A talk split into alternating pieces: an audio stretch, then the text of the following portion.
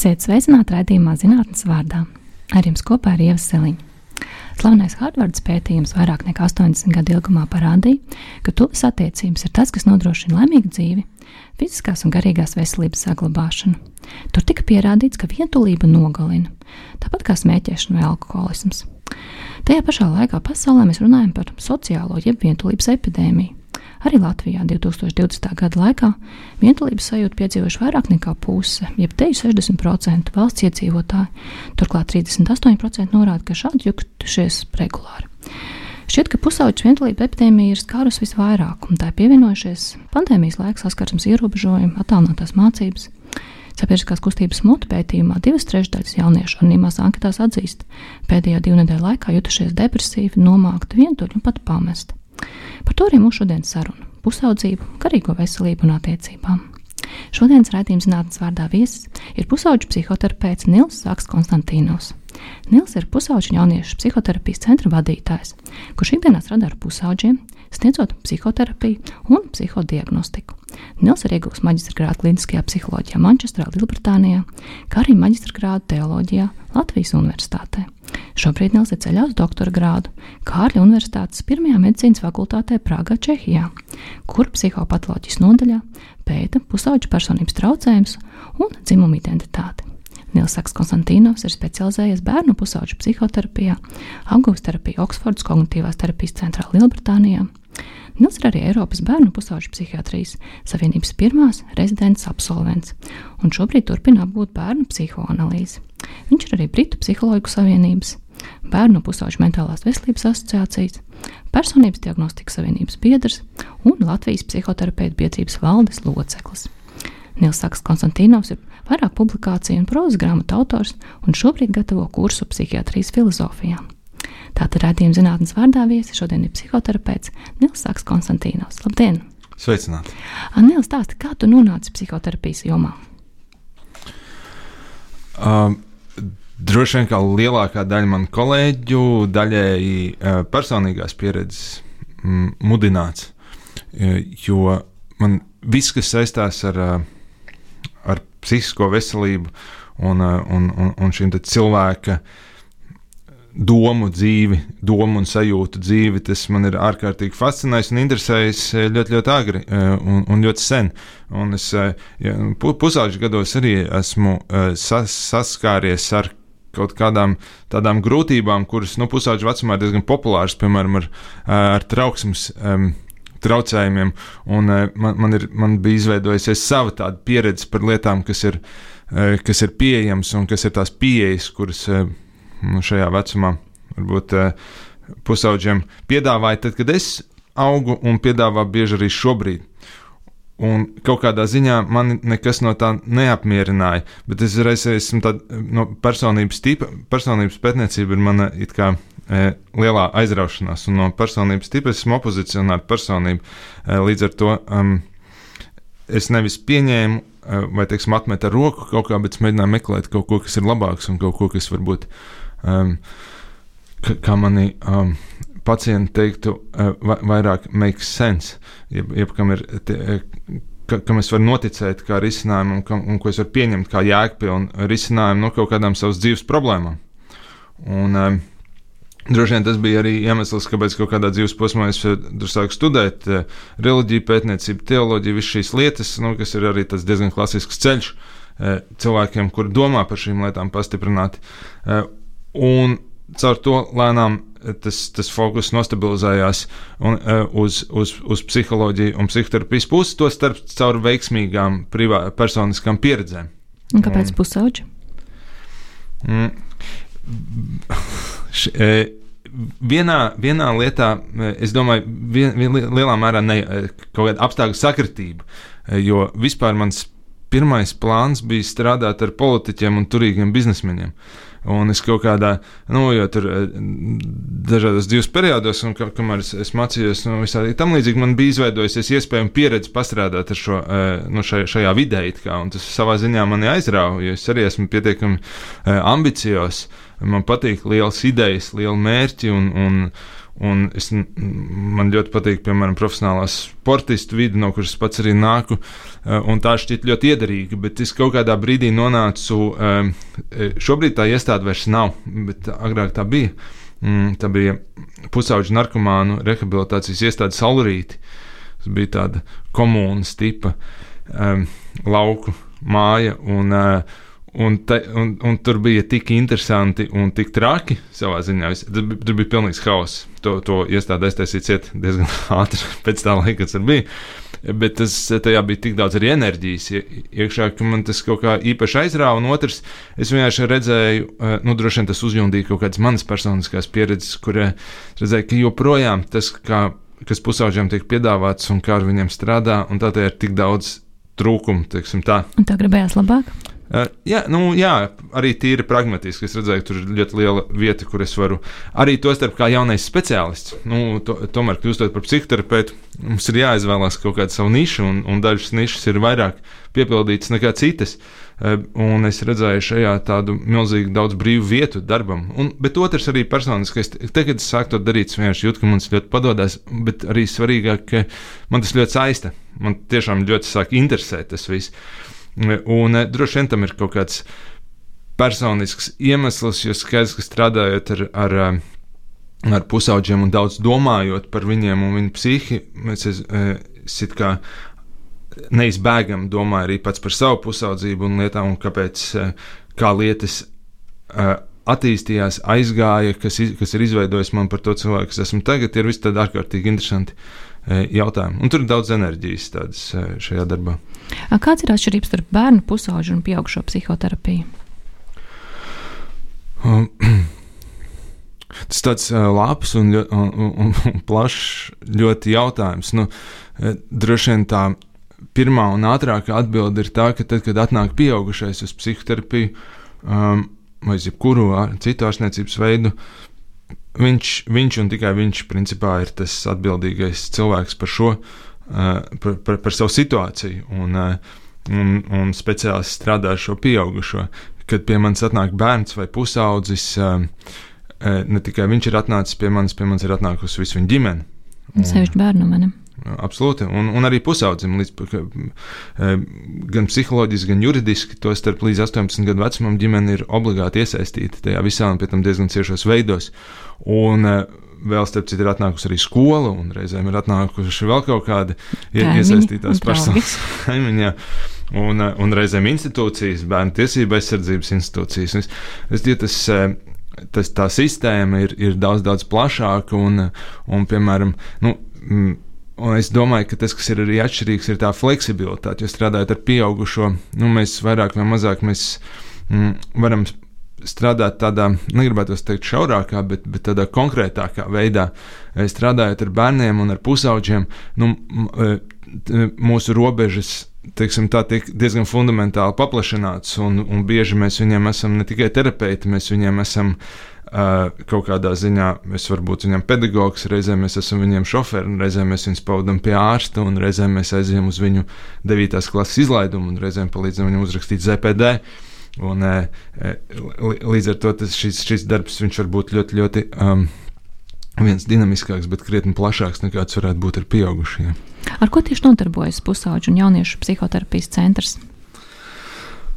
Um, es šo centru izveidoju uh, di divu iemeslu dēļ viens bija tas, ka es, es sāku veidojot uh, plašu pakalpojumu valsts mērogā pusauģu resursu centrs, kas, ir, uh, kas, kas sniedz bezmaksas psiholoģiskās konsultācijas pusauģiem. Un, bet tā lieta, ar ko es saskāros, ir tas, ka, protams, valsts vienmēr varēs apmaksāt tikai ļoti mazu, nelielu daļu. Uh, no tā, kas varētu būt nepieciešams, un arī speciālistus piesaistīt no šādām programmām, ir, ir diezgan sarežģīti. Uh, un es izveidoju šo centru m, kā specializētu centru, kurā mēs, mēs piedāvājam to, ko ne, nekad nevarēs piedāvāt valsts, piemēram, konkrēti e, psihospecializēta psihoterapija un ilgtermiņa psihoterapija. Kas, e, nu, un, un līdz ar to tas ļauj arī piesaistīt speciālistus, kas tieši specializējās šim darbam un, un piedāvāt un attīstīt diezgan augstu ekspertīzi tieši pusauģu vecuma posmā. Bet otra lieta, ko mēs darām, ir Mm, mēs um, veidojam programmas skolām, piemēram, tāda programma Pirmā psiholoģiskā palīdzība. Mēs apmācām pašus pusauģus lietās, kas saistīts ar viņu mentālo veselību, un mēs attīstām tādus ļoti interesantus projektus, kas ir saistīti, piemēram, ar virtuālo realitāti. Un, Jā, kā jūs to darat? Un, Mums šobrīd ir izveidojusies tāda ļoti laba sadarbība ar vienu no lielajiem IT uzņēmumiem, Tieto Evri. Un, starp citu, mēs janvārī brauksim uz Dubaju, uz Expo izstādi. Pārstāvēt Latviju to starp un iepazīstināt ar šo savu um, projektu un meklēt partnerus starp um, pasaules partneriem. Mēs esam tādi, nu, viena no pirmajiem šajā, šajā jomā vispār. Kā var partneriem. izmantot virtuālo realitāti psihoterapijā? Kā tas notiek? Uh, Viena lieta, kur šo, šobrīd tas ir visvairāk attīstījies, ir, ir tās, tas, ko sauc par ekspozīcijas terapiju. Proti, uh, mēs bieži nu, tos bērni iegūst dažādas psihotraumas, sastopoties ar kādiem konkrētiem traumatiskiem notikumiem. Nu, piemēram, visvienkāršākais piemērs varētu būt suns. Teiksim, bērnam uz, uzbruk suns. Viņam, jebkur ieraugot sabiedriskā vietā, piemēram, suni, var sākties šīs panikas reakcijas. Uh, un uh, tā pierādījumos balstītā metode pārsvarā šādu veidu traucējumiem ir tas, ko sauc par ekspozīciju. Proti, palēnām. Mm, Virtuālie suņi tuvojas. Jā, un uh, E, to ekspozīciju, protams, var veikt e, terapijā, ar domām, ar fantāziju, ar bildēm, attēliem, bet virtuālajā realitātē mēs varam principā pilnībā uzmodelēt šo situāciju tieši tādu, kāda tā būtu realitātē, un viss tās, kas smadzenes e, šo te, šos te signālus viņas interpretē kā, kā re, realitāti. Un, līdz ar to mēs varam ļoti daudz, teiksim, bailes no augstuma, no dažādas slimnīcas manipulācijas un, principā jebkas, kas cilvēkiem izraisa stresu, vai, vai, to mēs varam uzmodelēt. Tur. Tā ir viena lieta, bet tas tieši ar ko mēs nodarbojamies, tā ir salīdzinoši inovatīva. Un, pagaidām mēs esam viena no pavisam pirmajiem arī globālā mērogā, kas to dara. Mēs mēģinām saprast, kā mēs varam uh, psihodiagnosticēt uh, bērnus un pusauģus uh, šajā virtuālajā vidē. Un, uh, un tostarp arī piedāvāt uh, tādas nu, avansētas psihoterapijas um, intervences. Nu, pie, viens piemērs būtu mm, piemēram bērni, kas ir cietuši no seksuālās vardarbības. Mēs zinām, ka viņus diagnosticēt tas, ļoti, tas var būt ļoti sensitīvi un uh, sarežģīti, bet šajā virtuālajā realitātē mēs varam radīt pilnībā drošu vietu, uh, kur teiksim, viņi uh, kur viņi var justies droši, bet reizē viņi var darīt visas tās lietas, kuras, no kuras ir nepieciešams diagnostikas apstākļiem, ne, nenokļūstot kaut kādā reālā kabinetā vai kur citur, bet atrodoties, piemēram, mājās. Bet otra lieta ir tā, ka tā ar Covid pandēmiju vispār ir radījusi tādu milzīgu telemedicīnas bumu. Nu, mēs redzam, ka mēs varam virtuālo realitāti izmantot, piemēram, mm, padarot šo attālināto terapiju daudz efektīvāku un daudz klātesošāku nu, teiksim, bērns tie, tiešām jutās it kā šajā telpā, atrodoties jebkurā citā, citā vietā, geogrāfiskajā. Mm, mēs, un, un, un, un trešā lieta ir tā, ka tā ir, protams, iesaistoša lieta. Ceļš pusauģiem tas ir svarīgi. Ne, ne visi skaidrs grib iet uz kabinetu vai, vai vēl jau vairāk runāt zūmā ar, ar, ar kārtējo speciālistu, no kā viņi jau tā ir noguruši, bet virtuālā realitāte uzreiz dod iespēju iesaistīties tajā tā daudz aktīvāk, ir interesantāk. Um, Izrādās, ka arī IT faktiski iesaistās tavā ikdienas darbā, bet stāsti, kādas vēl nozares um, zinātnes atklājumi ir jāizmanto tavā ikdienā? Uz kādas zinātnes balstās psihoterapija? Hmm. Manuprāt, es reiz teikšu, ka būs kolēģi, kas droši vien šim nepiekritīs, e, bet manuprāt, ir diezgan svarīgi uzreiz izdalīt un, un, nodalīt psihoterapiju no, e, no citām zinātnīs disciplīnām, manuprāt, psihoterapija nav eh, zināt, zi, zinātniska disciplīna.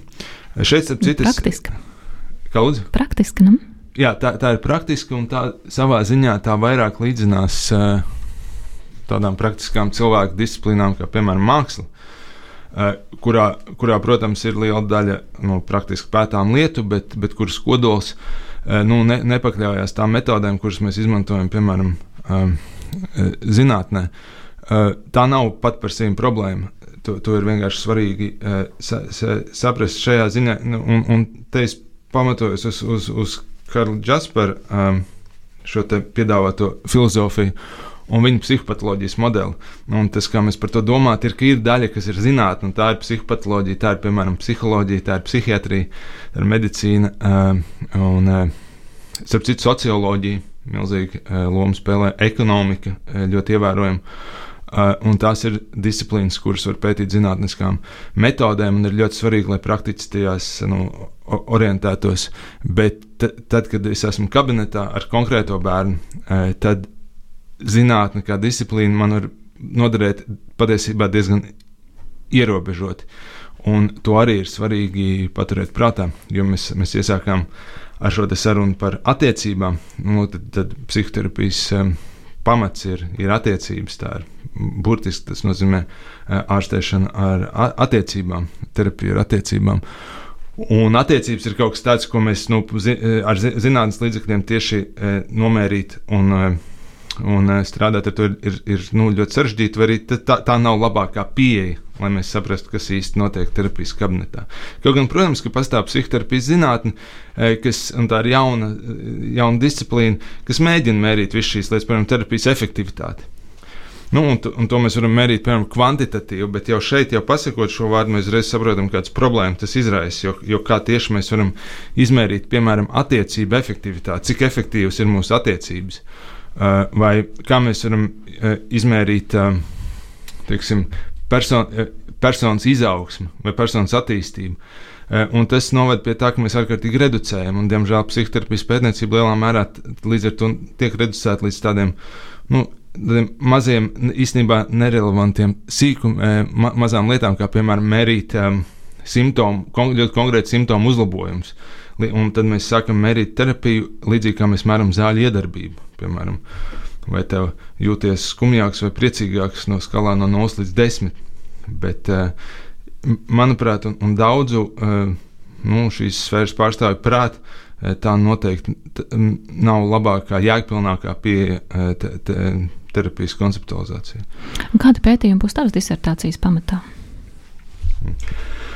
Kā jau minēju, man, man ļoti interesē personības, personības psihopatoloģija. Tas nozīmē um, tādas personības formas, kuras, kuras kaut kādiem iemesliem dēļ kļūst ļoti traucējošas. Nu, piemēram, varbūt tādas zināmākās, kas, kas populārā uh, leksikonā ir iegājušās, piemēram, narcistiskie traucējumi. Vai, nu, viņiem jau nav tas traucējoši, tas tikai citiem.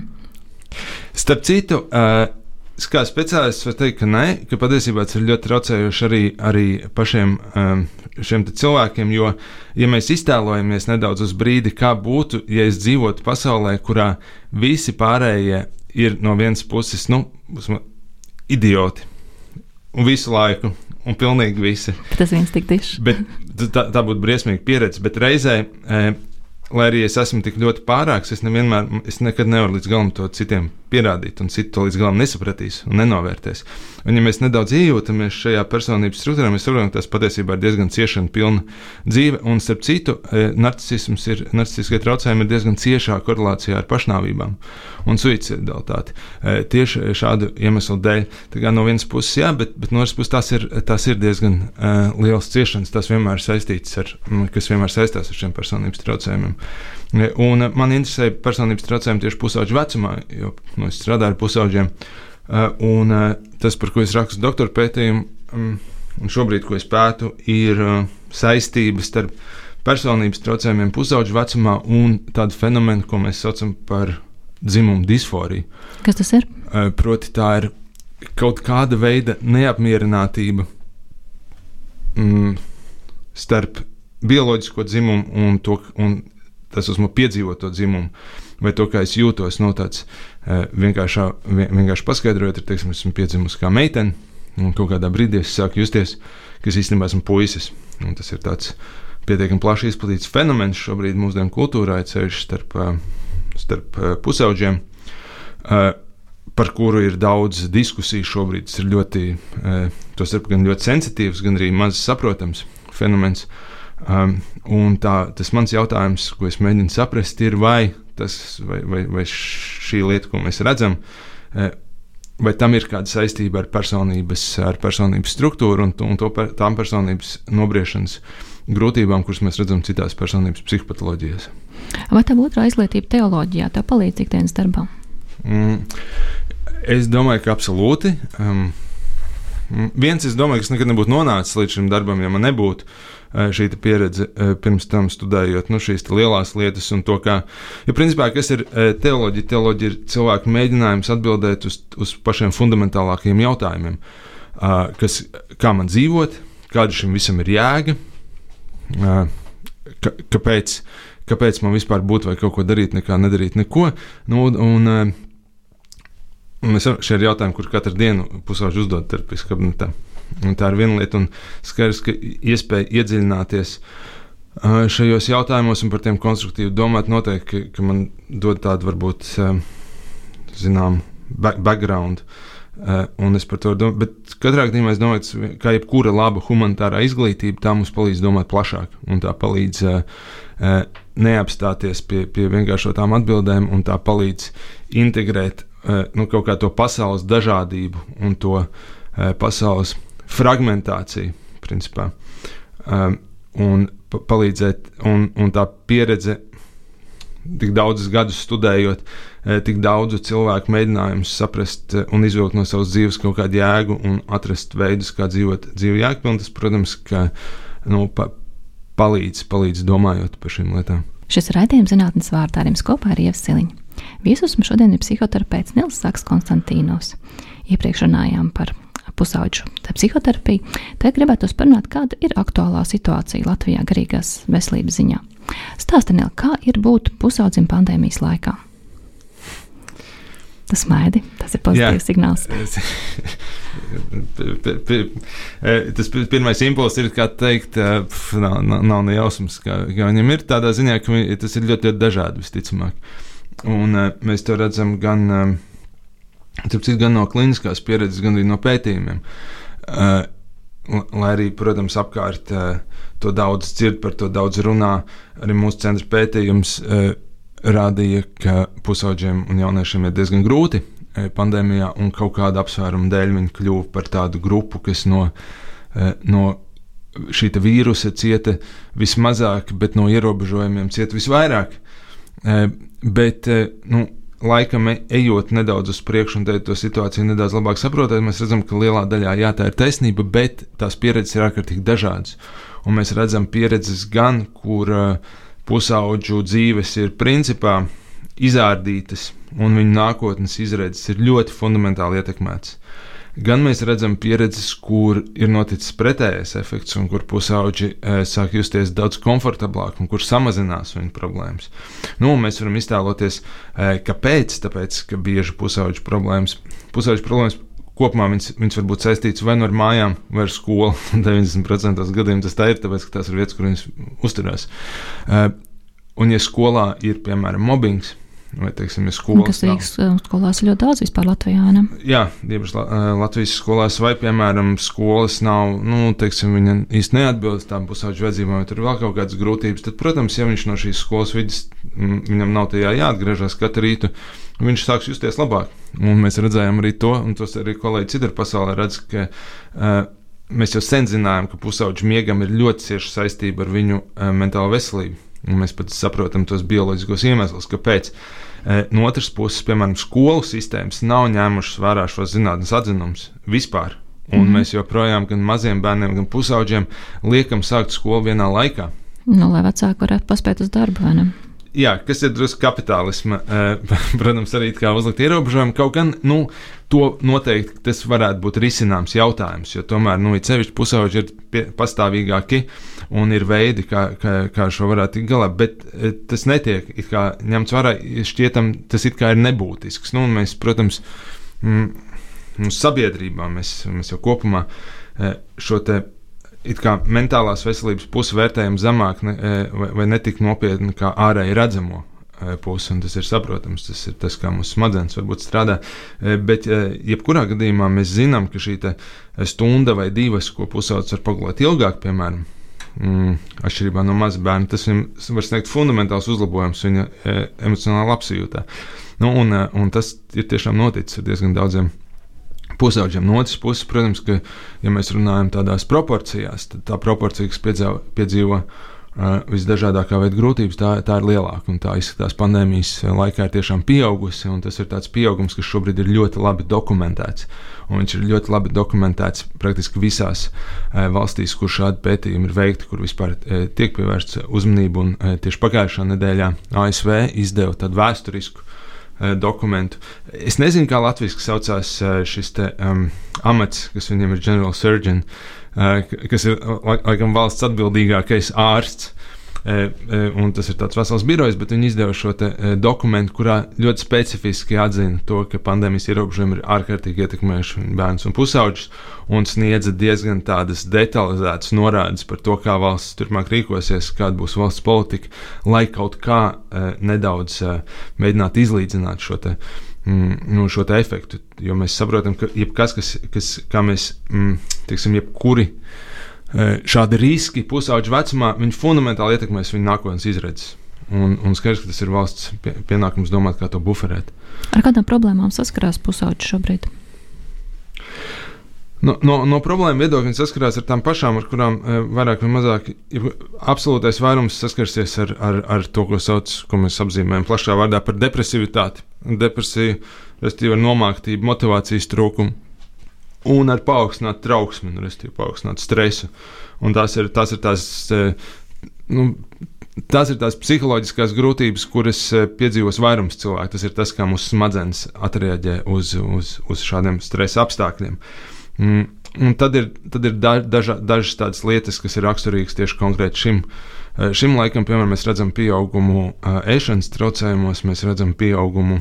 Mm, Pusauģos, kas eh, citu dzimumu disforija, nu, nu pat pieminētā tajā mēs redzam daudzu simtu procentu pieaugumu gadā. Bet tas, tas gan visas šīs lietas, gan uzreiz ir jāsaka, viņas sākās pirms pandēmijas. Jā, pusauģu mentālo veselību problēmu pieaugums sākās 10, 20 gadus pirms pandēmijas. Tas bija novērots ar katru nākamo paudzi.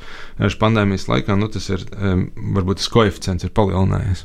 Kāda ir atšķirība pušiem un meitenēm? Kā viņi reaģē uz situāciju, kā jūtās, kādas problēmas?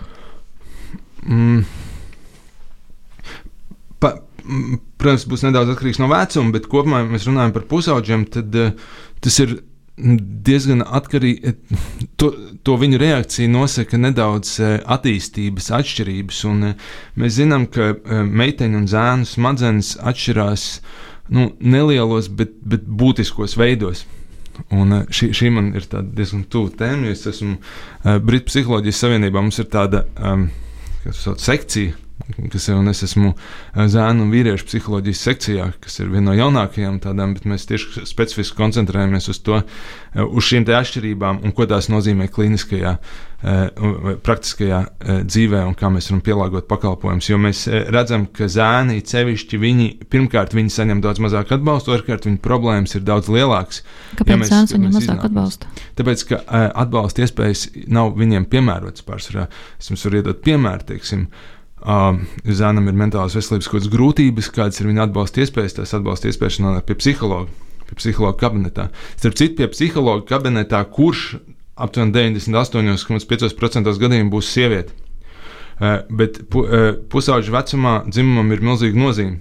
Un ir ceļš zēniem, kuri vairumā gadījumā jau aug uh, vienzimuma ģimenēs un, eh, un, un vispārējās grūtības. Bet arī šī forma, šis formāts runāt ar psihologu nav zēnu smadzenēm īpaši piemērots. Tāpēc, ka jārunā. Eh, tāpēc, ka jārunā, un mēs zinām, ka zēnu un meiteņu runas centri attīstās citādi. Tā ir viena lieta. Meitenes daudz labāk spēj noformulēt savus, savus grūtības un, un arī savas emocijas, bet tas nav veids, kā, kā vairums zēnu darbojas. Un vairumam zēnu primārais emociju regulācijas veids ir fiziskās aktivitātes un, un tos ir dažādi kontaktsporti. Bet um, sniedzot viņiem palīdzību, mēs to it kā neņemam vērā. Un, uh, un tad mēs piedāvājam vienu veidu palīdzību absolūti visiem, neņemot vērā, ka viņu vajadzības ir, ir diezgan dažādas. Un, un zēniem tas nedara, un mēs to redzam pēc rezultātiem, ka zēniem tas nedara.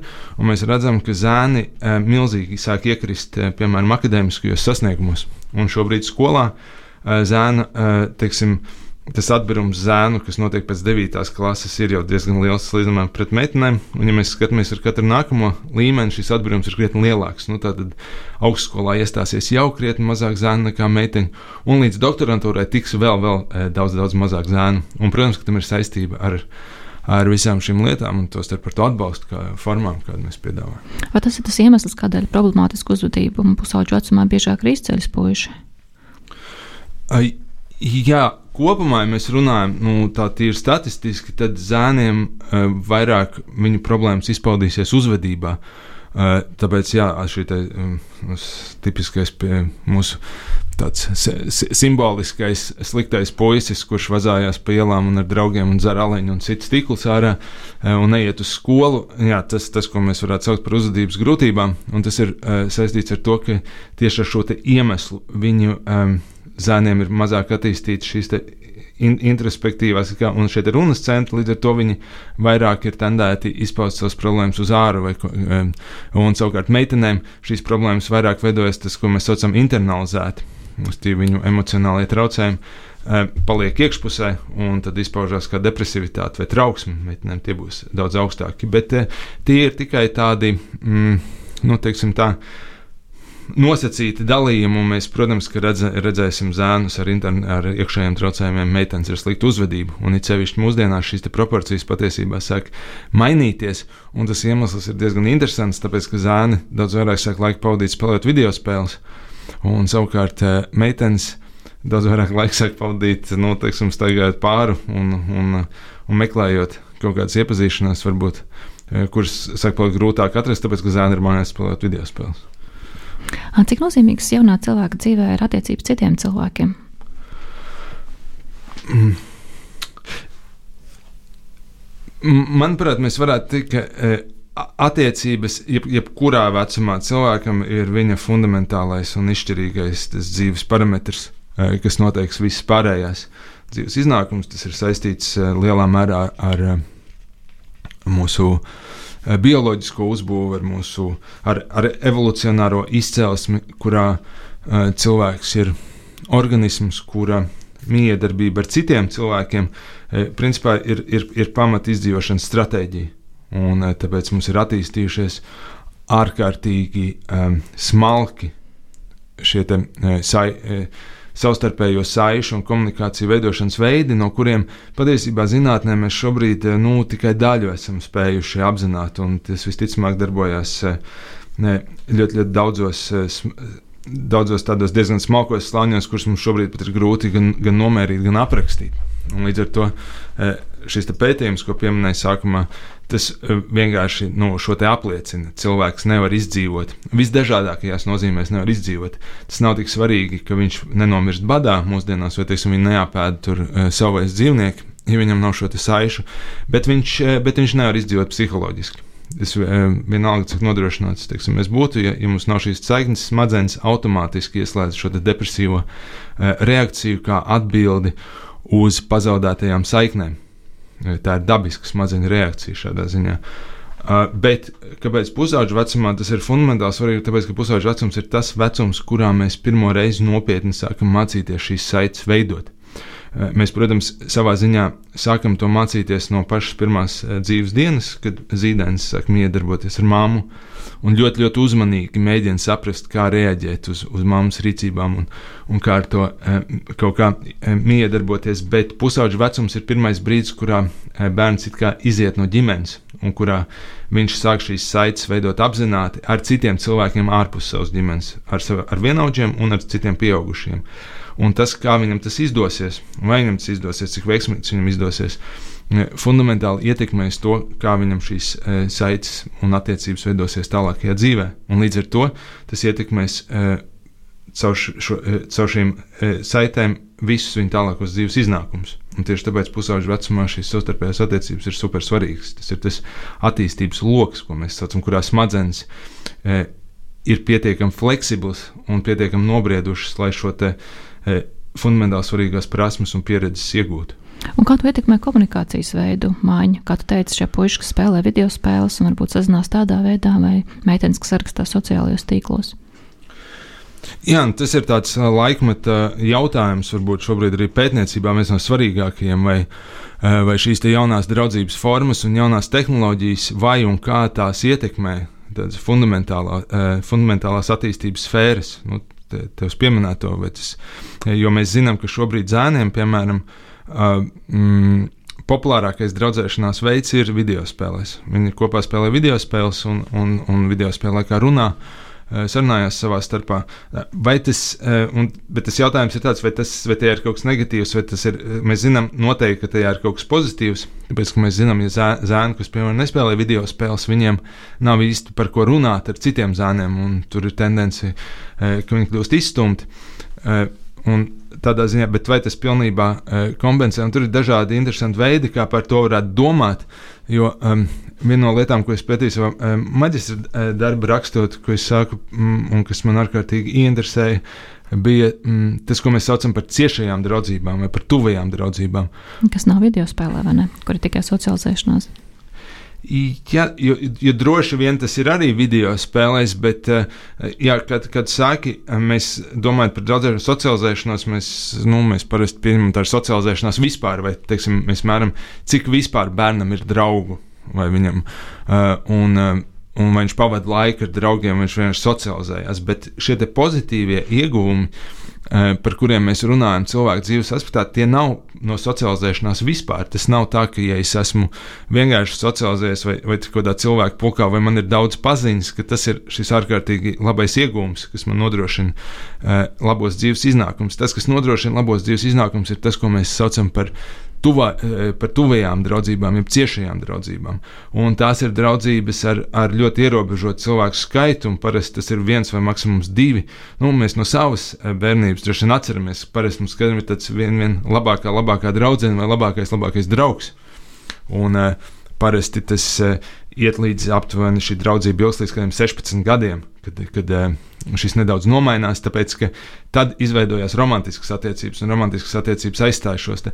Bet šī labāko, labāko draugu būšana ir super fundamentāli svarīga, jo tas ir mūsu kā, poligons, treniņu laukums, kurā pusaudzis iemācās uh, tostarp veidot romantiskas attiecības. Jo šīs attiecības, viņas, arī parasti viņas ir neseksuālas, bet viņas ir, uh, viņas, viņās ir daudz kā kopīga ar romantiskajām attiecībām. Viņās parasti ir liela lojalitāte, savu draugu dēļ gatavs darīt visu. Tad liela uzticība, liels emocionālais tuvums. Mēs kopā jūtamies ļoti silti, un te, tam ir ļoti liela nozīme. Un līdz ar to šīs uh, šis ir tas dzīves posms, kurā mēs vispār iemācāmies veidot šādu veidu attiecības. Un, ja tas neizveidojās šajā posmā, protams, tas nenozīmē, ka mēs nevarēsim tas veidot vēlāk. Skaidrs, ka varēsim. Bet tas būs jau daudz, daudz grūtāk, un tad to vajadzēs mācīties nu, jau bez mazliet kā tāda atsevišķa prasme. Vai vecāki var palīdzēt savam pusaudzim izvēlēties draugus? Ja mēs jau zinām, tā teikt, pareizie draugi palīdzēs, bet slikti draugi novadīs no ceļa. Jā, jā, runājot par to, kā teoloģijas studijas palīdz šajā darbā, mums ir zāle, man gudrības grāmata, kas raksta par to, ka mm, ar kādiem cilvēkiem tu pavadīsi laiku, principā tāds tu arī kļūsi. Un tā ir tā liela, liela gudrība no arī no mūsdienu zinātnes perspektīvas. Mm, it sevišķi pusauģu vecumā, ja mēs viens absolūti lielākais noteicošais faktors, kas nosaka, piemēram, to, ko pusaudzis darīs, vai, teiksim, vai viņš lietos vai nelietos kaut kādas vielas un narkotikas. Mm, viens to izšķir principā viens konkrēts faktors, un tas ir tas, vai, vai un ko lietos viņa draugi. Uh, un uh, skaidrs, ka vecāki, ja viņi rūpējās šādā veidā par, par savu bērnu, tad um, tā ir liela lieta, ko vecāki var mēģināt darīt, vai ko būtu vērts mēģināt darīt. Ietekmēt to, ar ko draudzējās viņa, viņa bērns. Mm, skaidrs, ka to nevienmēr varēs izdarīt. Bet, eh, bet bieži vecāki to dara vairāk vai mazāk apzināti. Nu, piemēram, sakot, tu vari palikt pa nakti pie, teiksim, Andreja, bet tu nevari palikt pa nakti pie, pie Ulda. Eh, un, teiksim, šādā veidā moderējam, protams, jo pusaudzis ir jaunāks, jo tas ir vairāk iespējams. Bet, bet šī kā reize ir tā lieta, kas, eh, kura, kuru ir vērts, kurai ir vērts pievērst uzmanību, nu, cik tas iespējams. Un skaidrs, ka vecāki to var apzināti tā veidot, teiksim, eh, arī piedāvājot, ok, ja tu gribēsi iet uz, uz kino ar zani, tad, tad mēs tev aizvedīsim un nopirksim biļeti. Bet, nu, ja tu gribēsi iet ar to otru draugu, nu, tas tur, tur jādomā, tur ir liels šķēršļi priekšā. Nu, šādā veidā, protams, var mēģināt modulēt šīs attiecības. Šis ir raidījums zinātnes vārdā ar jums kopā ar Ievasēņu. Viesos mums šodien ir psihoterapeits Nils Saks Konstantīnos. Īpaši runājām par jauniešu izaicinājumiem pandēmijas laikā. Te gribētu parunāt par to, ko mēs varam darīt savas un citu garīgās veselības labā. Saki, Nil, kā tu ieteiktu rūpēties par savu garīgo veselību? Ko mums darīt? Nu, viens, es domāju, ka reiz ieteiktu rūpēties par, par garīgo veselību, jo šī nav pašsaprotama lieta.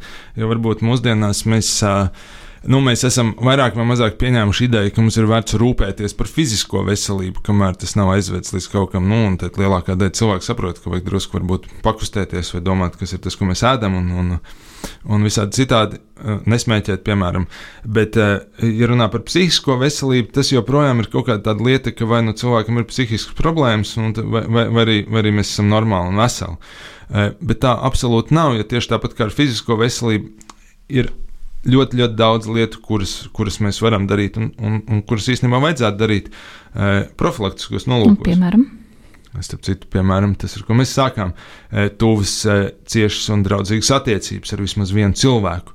E, ja man dzīvē tāds būs, tad man riski iedzīvoties kaut kādās grūtībās, nu jau ir krietni, krietni mazāk.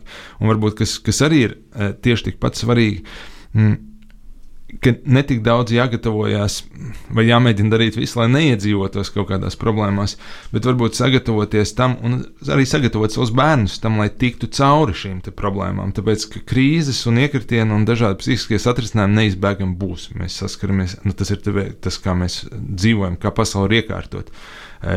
Pat pie visideālākajiem apstākļiem. Šeit ir vēl viens piemērs no, no reliģijas vēstures, stāsts par Budu. Uh, par mazo princi, kur vecāki šajā zelta pilī uh, turēja, un viņš neredzēja nevienu dzīves problēmu. Un, uh, Un savukārt, izējot pirmo reizi ārā uz ielas, viņš tad saskārās neizbēgami ar, ar lietām, ar slimību, ar nāvi, ar nabadzību. Un tās ir lietas, ar kurām mēs saskarsimies. Šis stāsts ir ļoti, ļoti simbolisks, viņš ir ļoti fundamentāls. Nav vērts mēģināt savu bērnu kā mazo būdu ielikt šajā zelta pilī. Bet kas ir jādara, lai mēs tiktu ātrāk galā ar šīm problēmām, kas, kā tu saki, noteikti būs? Jā, nu tas ir veids, kā mēs, kā, protams, viens kā cilvēki, kā, kā vecāki, bet kā sabiedrība vispār, kā mēs tiekam galā ar problēmām. Piemēram, eh, kā mēs tiekam galā ar to, ka cilvēks, piemēram, piedzīvo depresiju eh, kā, kā, ko mēs darām, kad bērns, piemēram, kļūst nemotivēts, vai ko mēs darām, kad bērns sāk lietot narkotikas, vai kad bērnam e, krītās sekmes skolā, viņš netiek vairs līdzi. Un, e, ir dažādi veidi, kā ar to var mēģināt tikt galā. Un, e, mūsu sabiedrība, protams, lielā mērā, nu, tāpēc, ka tāds ir laikmeta griezums, mēs varbūt uz to visu skatāmies ar tādu ļoti medicīnisku prizmu. Nu, ja kā panākt, lai atkal sekmes ir augstas un nav depresija. Jā, un mēs eh, piešķiram, mēs šīs lietas uh, klasificējam līdzīgi kā fiziskās veselības, kā slimības. Nu, piemēram, mēs sakām, ka nu, šī depresija tā ir tāda pat, tā, tā, tāda pat slimība kā, piemēram, nu, cukurdiabēts, līdz ar to mēs arī ar to mēģinām tikt galā līdzīgos veidos. Piemēram, uh, ar, ar noteiktiem medikamentiem vai, vai, vai terapijām, kas ir vērstas uz to, lai samazinātu šim bērnam šo depresiju. Uh, no, no zinātnes viedokļa tas, tas nav īsti pamatots. Eh, pamatot pieeja, tāpēc, ka nu, pirmkārt nav tādas vienas lietas kā depresija, un cilvēka pieredzes, mūsu psihiskās pieredzes ir, ir pārāk dažādas un, eh, un eh, pārāk nu, teiksim, individuālas, lai mēs vispār viņus varētu tik vieglā veidā kategorizēt. Bet otrs, nu, mēs zinām, ka arī šie palīdzības veidi īsti labi, nu, tie, tie nav pārāk efektīvi. Jo, Mēs runājam par psihisko veselību ļoti daudz, šī pakalpojuma kļūst ļoti, ļoti pieejama. Lai ko arī neteikt, nu, neka, tik viegli pieejama psihologi, psihiatri. Psih, psihoterapeiti varbūt mazāk, jo dārgāk, bet kopumā informācijas par šo visu nu, nekad nav droši vien bijis vispār pasaules vēsturē tik liela uzmanība šim veltīt. Bet no otras puses, nekad arī nav bijis tik daudz problēmu. Un tas, ko mēs redzam, ka jo vairāk uzmanības, jo šādā veidā mēs kā, atam, jo vairāk pieaug problēmas. Un, starp citu, piemēram, viena, viena lieta, ko šo var redzēt, ir pašnāvības, un sevišķi jauniešu pašnāvības skaits. Un nu, pat Austrālijā bija tāda milzīga diskusija, un Austrālija ir vieta, kurā ir šķiet visplašāk pieejamā. Eh, visnopietnākā mentālās veselības aprūpas sistēma pasaulē. Viņi ir ārkārtīgi investējuši miljardus e, daudz gadu garumā. Tur. Un tas, ko viņi novērojuši, ka jo vairāk jaunieši saņem palīdzību, jo vairāk viņi saņem dažādu veidu ārstēšanas, jo mēs sabiedrībā redzam e, paralēli procesu, ka vienkārši turpina pieaugt, piemēram, jauniešu pašnāvības skaits. Kāpēc? Un visticamāk, e, tāda īsā atbilde uz to būs, ka droši vien ka šī palīdzību, ko mēs dodam, tas tā, tā nepalīdz atbildēt uz tiem, tas, tā, uz tiem jautājumiem. E, tā nav labākā atbilde uz šo konkrēto problēmu. Un tas ir iemesls, kāpēc, citu, pieminējot sākumā par to psihiatrijas filozofijas kursu, man, man šķiet ļoti, ļoti svarīgi ir tas, lai mēs, kas strādājam šajā nozarē, lai mēs neapstātos pie, pie, pie kaut kādām gatavām atbildēm, jo šobrīd arī ir nedaudz tā sajūta, ka nu, mums it kā ir rokā atbildes, mēs zinām par mentālo veselību, un viss, ko mums vajag, ir pēc iespējas vairāk cilvēkiem to izstāstīt un dabūt viņus iekšā kaut kādā ārstniecības sistēmā. Bet mums vajag, nē, nē, mums diezgan uzmanīgi uz to jāskatās. Mums ir piemēri, kur ir jau daudz vairāk cilvēku šajā sistēmā. Tas nepalīdz atrisināt tās problēmas, kuras mēs šādā veidā mēģinām risināt. Tu teici, ka attiecības ļoti svarīgas. Tad stāsti, kādu paradumu rituālu mums palīdzētu saglabāt tūs attiecības ar pusaudzi. Uh, man, man bija tāda iespēja iepazīties ar, ar, ar pusauģu speciālistiem no Harvardas Universitātes vienā, eh, vienā eh, konferencē. Viņi pastāstīja ļoti interesantu pētījumu, kur viņi bija izveikuši, un eh, kuras man šķiet, ir absolūti ģeniāla atziņa, jo arī ļoti vienkārši un īstenojama. Un, proti, ēšana. Respektīvi, ir redzams, ka viena Atsevišķi efektīvākā vecāka intervence, ko viņi var veikt pusauģu vecumā, ir kopīga maltīte e, reizes dienā, parasti tas ir vakarā, un vidēji 40 minūtes līdz stunda. E, un e, tas ir, tas ir ļoti efektīvi, tāpēc ka mm, ēšana pusauģiem patīk.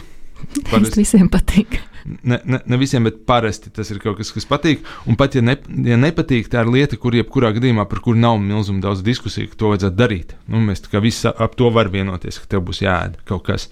Un tad šī stunda ir tas laiks, kurā var veidoties arī sarunas. Un kurā, e, un, protams, tas triks ir to ieturēt pietiekami regulāri.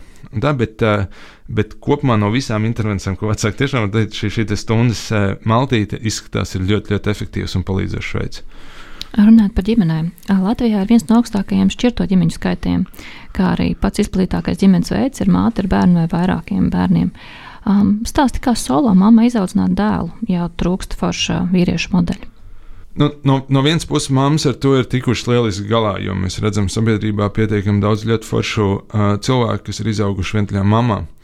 Bet uh, tas arī, ko mēs redzam, ir, ka ir noteiktas lietas, kuras veiksmīgās mammas vientuļās dara šeit es uzreiz pavisam mazu atrunu. Teikšu, tad, kad mēs sakām e, par to, kā vientuļām mamām palīdzēt bērnu audzināšanā, tas nedaudz izklausās tā, it kā ar mammu nebūtu gana.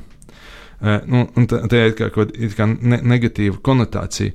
Tā absolūti nav. Eh, protams, ka nav, bet, ja mēs skatāmies no pētījumiem, ja mēs skatāmies no ilgtermiņa longitudināliem pētījumiem, tad kopumā bērnu izredzes, eh, vislabākās bērnu izredzes ir tiem bērniem, kuriem ir abu divu dzimumu vecāki viņu dzīvēs. Un tas nenozīmē, starp citu, nav korelācijas starp to, vai, vai šie vecāki ir precēti vai, un vai viņi dzīvo kopā, bet ir korelācija starp to, vai bērni pavada aptuveni līdzvērtīgu laiku eh, pie abu dzimumu vecākiem. Uh, Mēs varam arī saprast, eh, nu, teiksim, dažādu bioloģisku, evolucionāru iemeslu dēļ, kāpēc tas tā ir. Un, um, tur ir daudz labu ideju par to, piemēram, atšķirās māmu un tēta audzināšanas stratēģijas. Māma vienmēr būs gādīgāka un, un teiksim, vairāk centīsies pasargāt bērnu, kamēr tēvs būs vairāk vērsts uz dažādiem riskiem, un bērnam ir vajadzīgi abi divi. Viņam vajag vienu, eh, kas viņu eh, vienmēr pasargā, un otru, kas viņu tomēr iz, iemet šajā augstajā ūdenī un, un, un iemāca peldēt. Un abas šīs lietas ir svarīgas, un viens vecāks parasti to, to, nu, to ir grūti, to ir laika ziņā grūti izdarīt. Uh, un tās, ja mēs skatāmies, starp citu, man bija tāda nodarbība, kurs uh, tieši paredzēts mamām, kas viens audzina savus dēlus. Un līdz ar to mēs daudz par šo pētījām, skatījāmies, kāds ir. Un ir lietas, kuras tiešām veiksmīgās uh, vientuļās mammas dara. Un viena no tām lietām ir tā, ka viņas apzināti sameklē uh, vīriešus sev apkār, apkārtnē. Drošus, pieaugušos vīriešus, ar kuriem viņu pusauģiem, gan puikām, gan meitenēm izveidojās labs kontakts, droši. Un, spēj, un, un tie var būt sporta treneris, tas var būt skolotājs, Eh, tas var būt nu, ja, radinieks, vienalga kas, bet tā, ir, bet tā ir lieta, kur noteikti. Un otra lieta bija tā, ka eh, veiksmīgās mammas. Eh, viņas dara vēl divas lietas. Viņas iesaista vispār citus resursus vairāk, tostarp savu ģimeni vairāk. Un trešā lieta ir tā, ka viņas rūpējās par sevi. Respektīvi, viņas, jo ir ļoti svarīgi, lai, lai pusaudze redzētu savu māmu kā foršu, atpūtušos priecīgu un kaut kādā ziņā dzīvē realizējušos sievieti, tāpēc ka tas, eh, mm, tas nodrošinās to, ka viņam ir šī saikne, un, arī tā, tā nodrošinās iespēju mammai disciplinēt savu pusaudzi, kas vientuļai mammai, protams, bieži sagādā vislielākās problēmas. Nu, tā, tās trīs lietas - atrast tomēr e, vīriešu figūru, iesaistīt pēc iespējas vairāk papildus resursus un rūpēties par sevi - ir tās trīs lietas. Nobeigumā, pie kādiem nākotnes projektiem tu šobrīd strādā? Viena lieta ir jau pieminētā virtuālās uh, realitātes terapija, un, uh, un uh, gatavojamies janvārī braukt uz Dubaju uz Expo. Eh, un par to runāt. Ja pasaules mērogā eh, tā ir viena lieta, un otra lieta mm, ir, mēs mēģinām iedzīvināt šo pirmās psiholoģiskās palīdzības kursus pēc iespējas vairāk skolās, apmācot pašus jauniešus tajās pamattehnikās, kā palīdzēt sev un, un draugiem. Un, Es arī strādāju pie tāda projekta kā EMU skola, kas ir mentālās veselības skrīnings uh, skolās, uh, bērniem. Un nu, pat mums arī vēl viena jauna iniciatīva, kas ir saistīta ar jauno psihoterapeitu apmācību. Mēs centīsimies rekrutēt jau no vidusskolas talantīgākos un spējīgākos, kuri, kuri varētu, kurus varētu sagatavot darbam ar bērniem un pusauģiem. Un darīt šo ļoti interesanto, bet reizē diezgan pras, prasīgo darbu. Izklausās jauki. Paldies! Nīl, paldies tev par sveitīgo darbu, ko dari ikdienā, lai labi izdodas arī turpmāk. Atgādina, ka raidījumā zinātnes vārdā bija psihoterapeits Nils Saks Konstantīnovs. Studijā bija Ievasiliņa. Lai sekot jaunumiem mūsu rādio, atceros piesakot atrādio un abu kanāliem, sociālos tīklos Facebook, Twitter un Instagram. Lai jums visiem līdzsvarots vakars! Atā!